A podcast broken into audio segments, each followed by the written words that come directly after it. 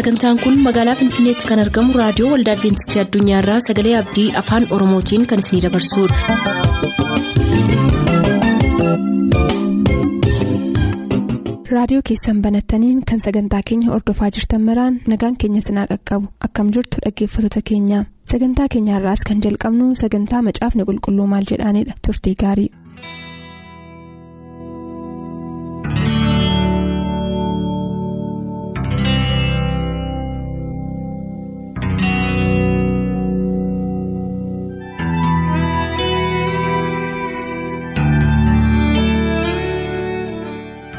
Nagaan keenya jaalalaaf kan kabajaa bakka jirtan maratti sinaa qaqqabu akkam jirtu kabajamoof jaallatamoo dhaggeeffatooti. Sagalee abdii torbanitti yeroo tokko kan isiniif qabannee dhiyaannu qophii kitaabni qulqulluun maal jedhaa jalatti har'as kunoo lubata maskeen bultii waliin gaaffilee isin biraa nu ga'an isiniif qabannee dhiyaanneerra gaaffilee keessan heeruutti utuu hin darbin dura garuu lubata maskeen bultii waliin kadhannee eegalla sinis nu faana tura.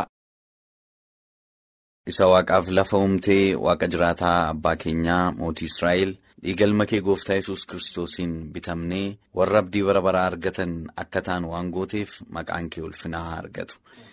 Yaa Waaqayyoo yeroo kana immoo sagalee kee macaafa kee keessaa ilaaluuf jenna saba keetti kan gaaffii ta'an sabni kee kan nu gaafatan garuu nuyi fooniif dhiigaa hafuurri kee qulqulluun yoo nutti hime malee yoo nuuf hiike malee. Sagalee kee fooniif dhiigi hubachuu hin danda'u gooftaa yesus bifa addaan hafuura kee nu ergitee sagalee kee kana bifa qulqulluu ta'een akka hiikuu dandeenyuuf nu gargaari. Warri dhaggeeffatanis gooftaa sagalee kanaan eebbifamanii dhugaatti jiraachuu akka danda'an ifi addaa isaaniifis nuufis akka ifu kun hundumtuu immoo ulfina maqaa keetiif akka ta'uuf nu gargaari. Maqaa yesuusiin si kadhannaa Ameen. Galatooma paaster egaa yeroo dheeraaf toora kanarraa nu duraa fagaattanii turtanii dhaggeeffatoonni keenya baay'een waan isin jaallataniif utuu isin hin jiraatin faarfannaa isiniif filaa turanii nunis hin dhufu inni deebi'u jennee isaan abdachiisaa turre waaqayyo waadaa isaa eegee har'a nagaadhaan gara sagantaa kanaatti waan isin deebiseef baay'ee waaqayyoon galateeffanna baga nagaan dhuftan isiniin jedheen eegaluu jaalladha. galatooma anis dhaggeeffatoota keenyaan. Bifuma addaan nagaan waaqayyoo isinii wajjin to'atam jirtu jechuun barbaada. Dhiifama guddaan gaafadhaa toora hojii garaa garaa irratti koommadheeni kan hin bade garuu yeroo hundumaa sagantaa kana irratti hirmaachuun fedha kooti. Waaqayyo jedhe kana booddee bifa baay'ee fooyya'aa ta'een hirmaachuu barbaada. Nutis isin of kalchineerraa sichi garuu gara fuulduraatti hojii kanarraa toora kanarraa nu duraan fagaatinaa jecha gara gaaffilee haaraatti yoon isin dabarse gaaffii barsiisaa kumarraa irraa eegallaa. Barsiisaa kumarraan godina wallagga lixaa. magaalaa dongoroo irraati. Kan isaan nu gaafatanii gaaffiin isaanii maatiyoos boqonnaa 24 lakkoofsa 37 guyyaa dhufa gooftaa homti nuun beeku jedha. Achuma maatiyoos boqonnaa 24 keessatti ammas akka bakakkaan yeroo bu'uu bakka maratti mul'atu dhufaatiin isaa kan dhokatu miti jedha. Yaadi kun waliin faallessuu jedhu akkamitti walitti firoomsinaa kitaabni qulqulluun maal jedha. Tole galatoomaa egaa gaaffiin obbo Kumarraa kan jedhu gooftaan keenya yesus kristos kan inni dubbateedha. Gaafa dhufaatii ilma namaa eenyuyyuu hin beeku jedhan jalqaba. Gama biraatiin immoo gaafa inni mul'atu akkuma bakakkaan ba'aa biiftuuti amma lixa biiftuutti mul'atu nama hundumtuu hin argaa kan jedhudha jedha gaaffiin isaanii. Egaa gaaffii kana bifa akkasiitiin deebisuu yaala inni jalqabaa.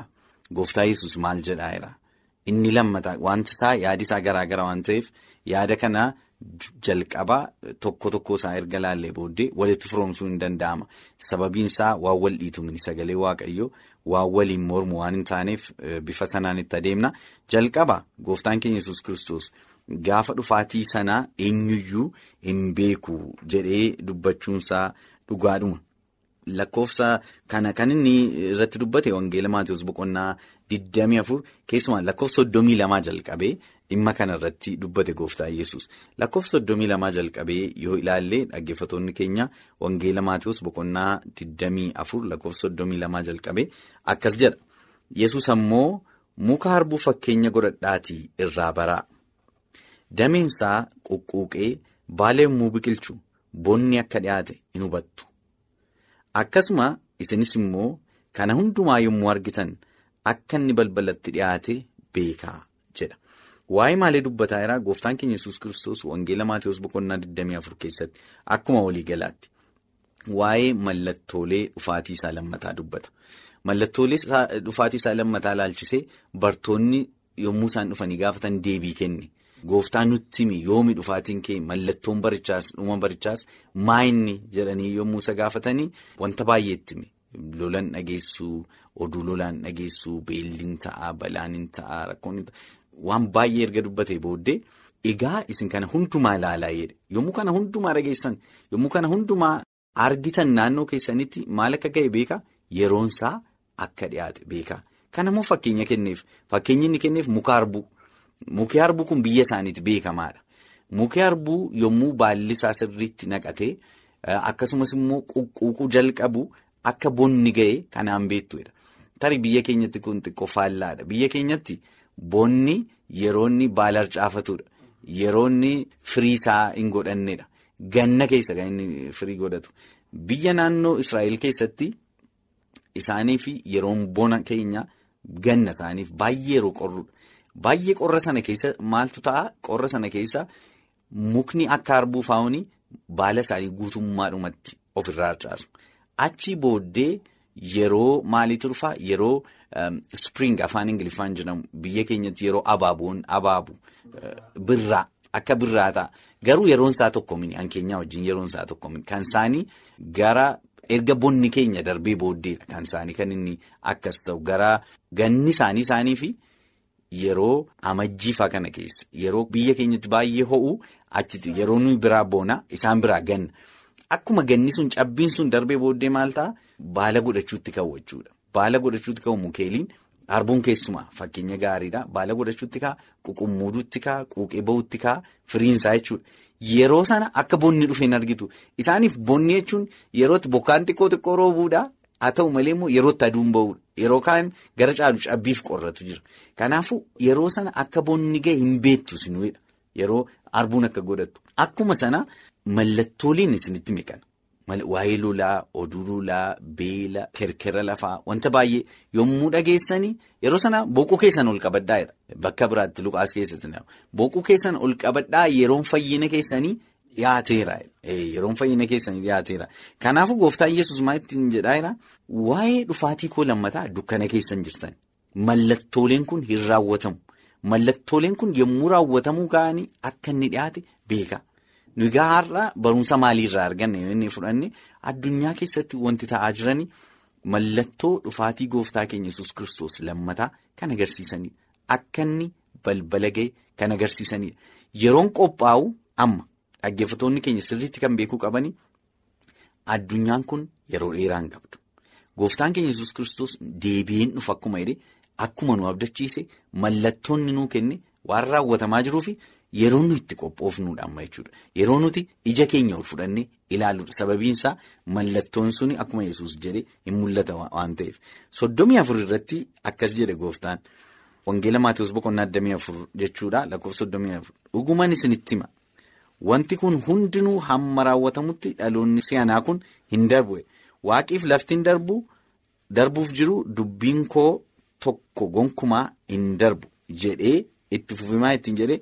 Lakkoofsa soddomii jaarratti yesusitti dabalee guyyicha sanaa fi yericha sana garuu abbaa koo duwwaa beeka malee ergamoonni waaqarraa ilmis namni tokkollees kana hin beekan jedhee dubbate. Yaadiga mallattoo isaa kenneera yeroo inni itti dhufu jala ga'u wantoonni mul'atan gooftaan yesus kenneera. Itti fufee garuu namoonni yeroo hundaa maal beekuu barbaadu mallattoo hin ta'eera kallattiimaan garuu addumaan. Specifically addumaan nutti mime guyyaan ishee jedhanii caalaatti beekuu barbaadani bartoonni isa guyyaan ishee tuu danda'ame sa'aatii ishee sekandii ishee wajjin beekuu barbaadu addunyaa kanarratti yeroo garaa garaa namoonni gooftaa yesus gaafa akkasii dhufa sa'aatii ammasii ammasii gidduutti waggama waggaatti namoonni akkasii jedhanii ka'an hin jiraatu. Gooftaan yesus garuu kana jala muree nutti waa'ee guyyaa sana waa'ee yeroo sana sa'aatii isaa namni beeku tokkollee hin jiru. Waa'ee guyyaa sana. Ergamoonni waaqarraallee dabalate nami beeku hin jiru. Ilmas dabalate nami beeku hin jiru jedhee dubbate. Kun maal jechuudha namoota baay'eef egaa kan gaaffii ta'u maali? Gooftaan yesus ofii isaatii waaqa ta'ee guyyaa sana attamitti wallaale. Ofii dhufa sooti. Gaafuma ofii dhufu attamitti wallaale. Kan jedhu gaaffiin nama baay'ee kan inni ka'u heertuu kana waliin wal qabsiise yeroo baay'ee. Asirratti kan nu ilaallu gooftaan yesuus jalqaba jalqabaa kan inni addanatti dubbataa jiru. Guyyaa isaa eenyuyyuu hin beeku. Kanaafuu yeroo hundumaa maal godhaa taa'e? Qophaa'aa yeroo hundumaa qophaa'aa guyyaa sana garuu ispeesifikalii akka isinitti himu narraan eeginaa isinittiin himu fooniin immoo gaafa sana gooftaan yesus yeroo hundaa. Guutummaadhumatti waaqa guutummaadhumatti nama. Haa ta'u malee yeroo hundaa gooftaan yesus qormaatiin inni guddaan seexanni isa qoraa ture akka inni waaqummaa isaa fayyadamu ture. Inni immoo waaqummaa isaan fayyadamu. In yaadattoo taate yommuu inni guyyaa afurtama soomee ture sanatti maal jedhee isa qore seexanni gad of darbadhuutiin jedhe. Dhagaa kana buddeen godhi nyaadhuutiin jedhe akka nama bira anaaf siin kana nu qoruu hin danda'u seexanni. Utuma waggaa kuma tokko jiraatteeti dhagaa biddeen gochuu hin dandeessu. Kan gochuu hin dandeenye beeka. Beeka garuu akka yesus gochuu danda'u beeka. Utuu garuu gooftaan yesus garuu yeroo hundumaa irra deddeebi'ee maalidhaa? Keessumaa wangeela Yohaannis keessatti ani fedha sana ergeen raawwachuu dhufeedha.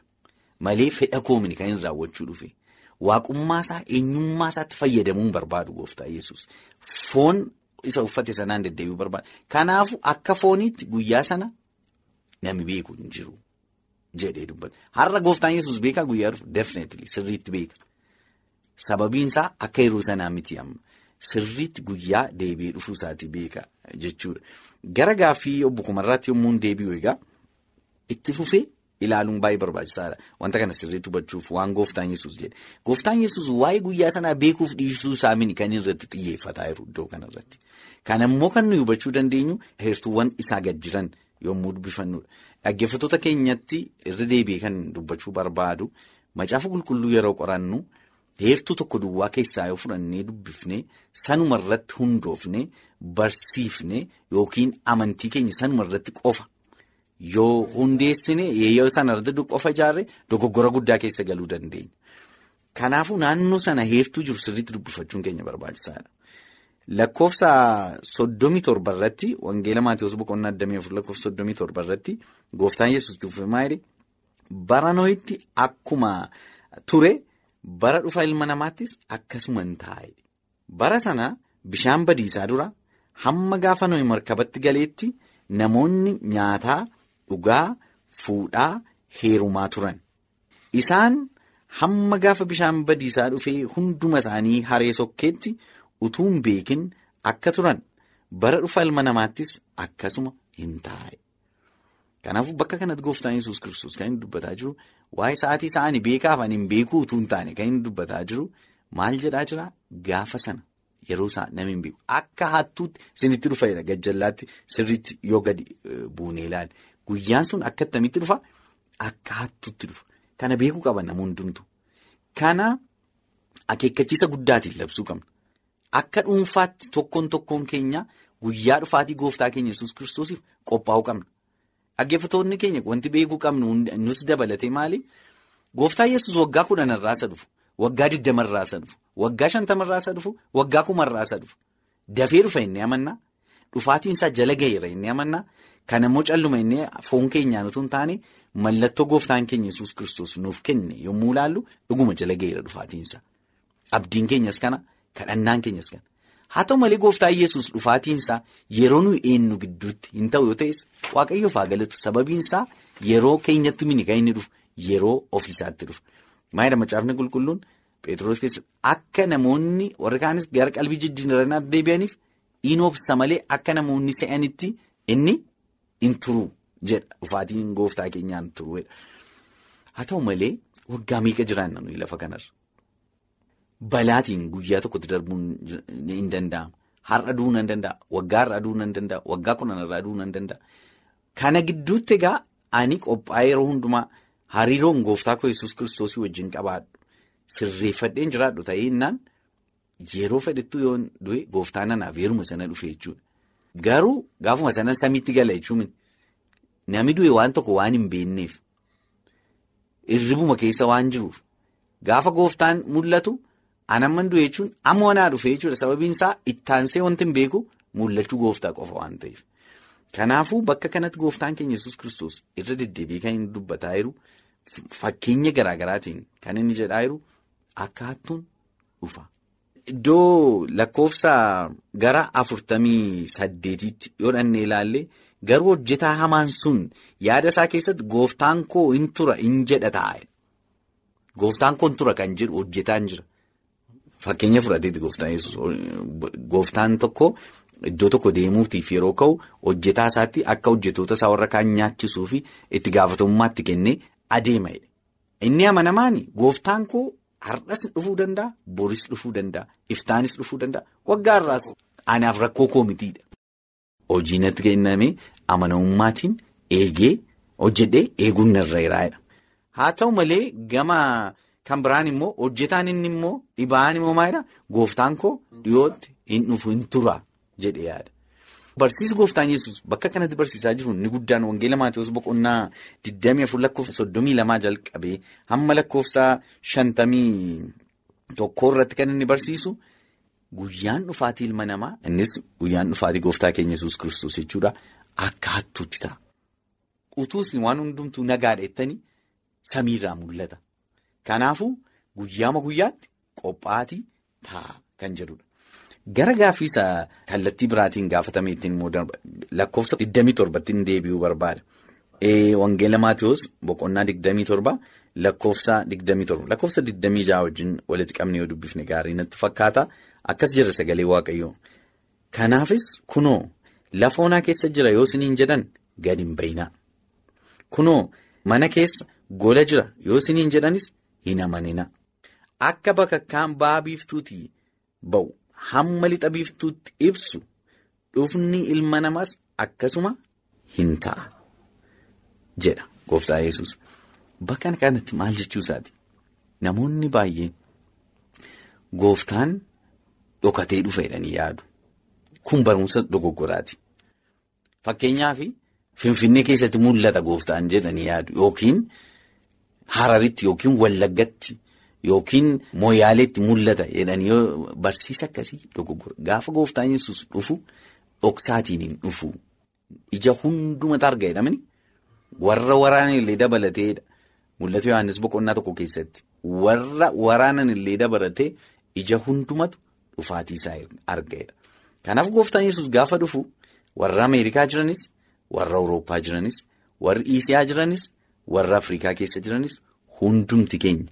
Wal faana dhufaatii gooftaa yesus arginaadha. Utuu haasofnu yeroo ammaa fakkeenyaaf namoonni biyya Raashaatti, Awustiraaliyaatti, Ameerikaatti namoonni nu yesus jechaa jiran duuka buutota miliyoonaan lakkaa'aman kan horataa jiran miidiyaalee garaa garaarra baay'ataniiru tarii gooftaan yesus bara sanarra taa'ee waa'ee bara keenya kanaa argee laata jedhee yaada. Sirriidha. Sirriidha galatoom girmaa'e akkuma jettee. Gooftaan kanaaf kan inni dursee nu akeekkachiise jechuudha.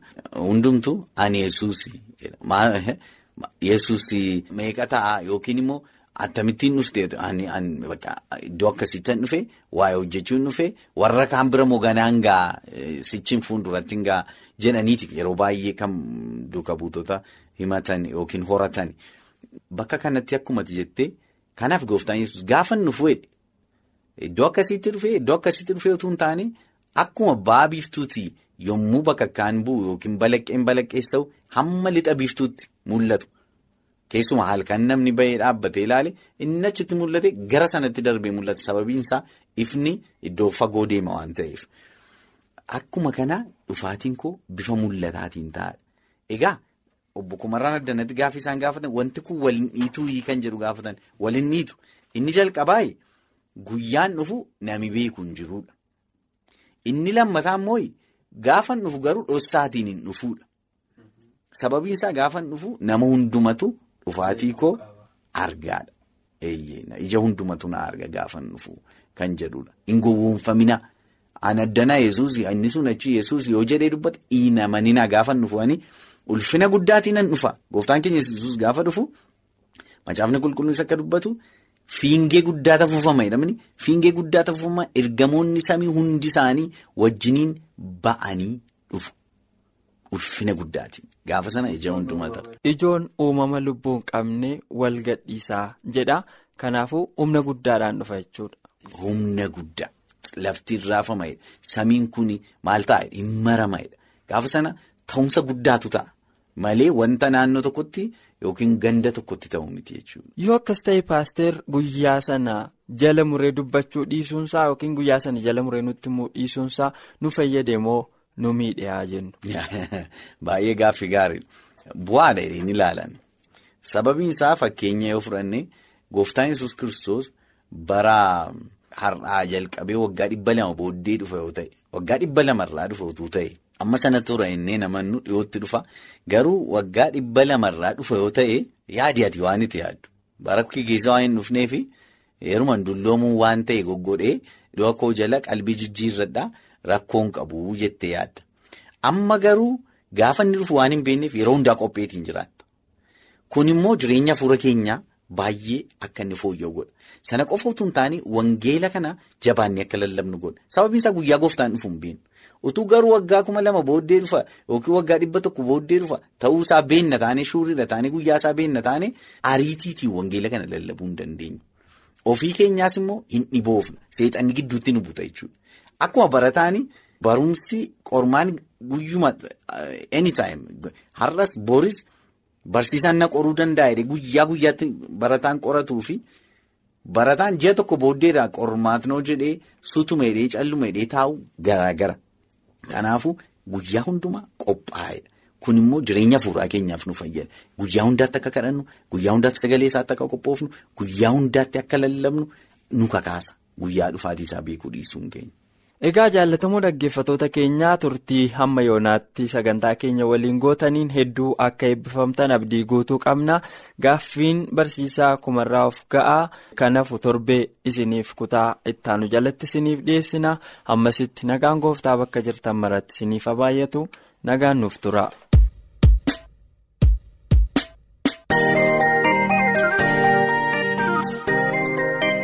Sagantaa keenyatti akka eebbifamtan abdachaa. Kanarraaf jenne asumaan xumur sagantaa keenya irratti yaaduu qabaattan karaa teessoo keenyaa raadiyoo olda adventistii addunyaa lakkoofsaanduqa poostaa 455 finfinnee jedhaanuf barreessa raadiyoo olda adventistii addunyaa lakkoofsaanduqa poostaa 455 finfinnee.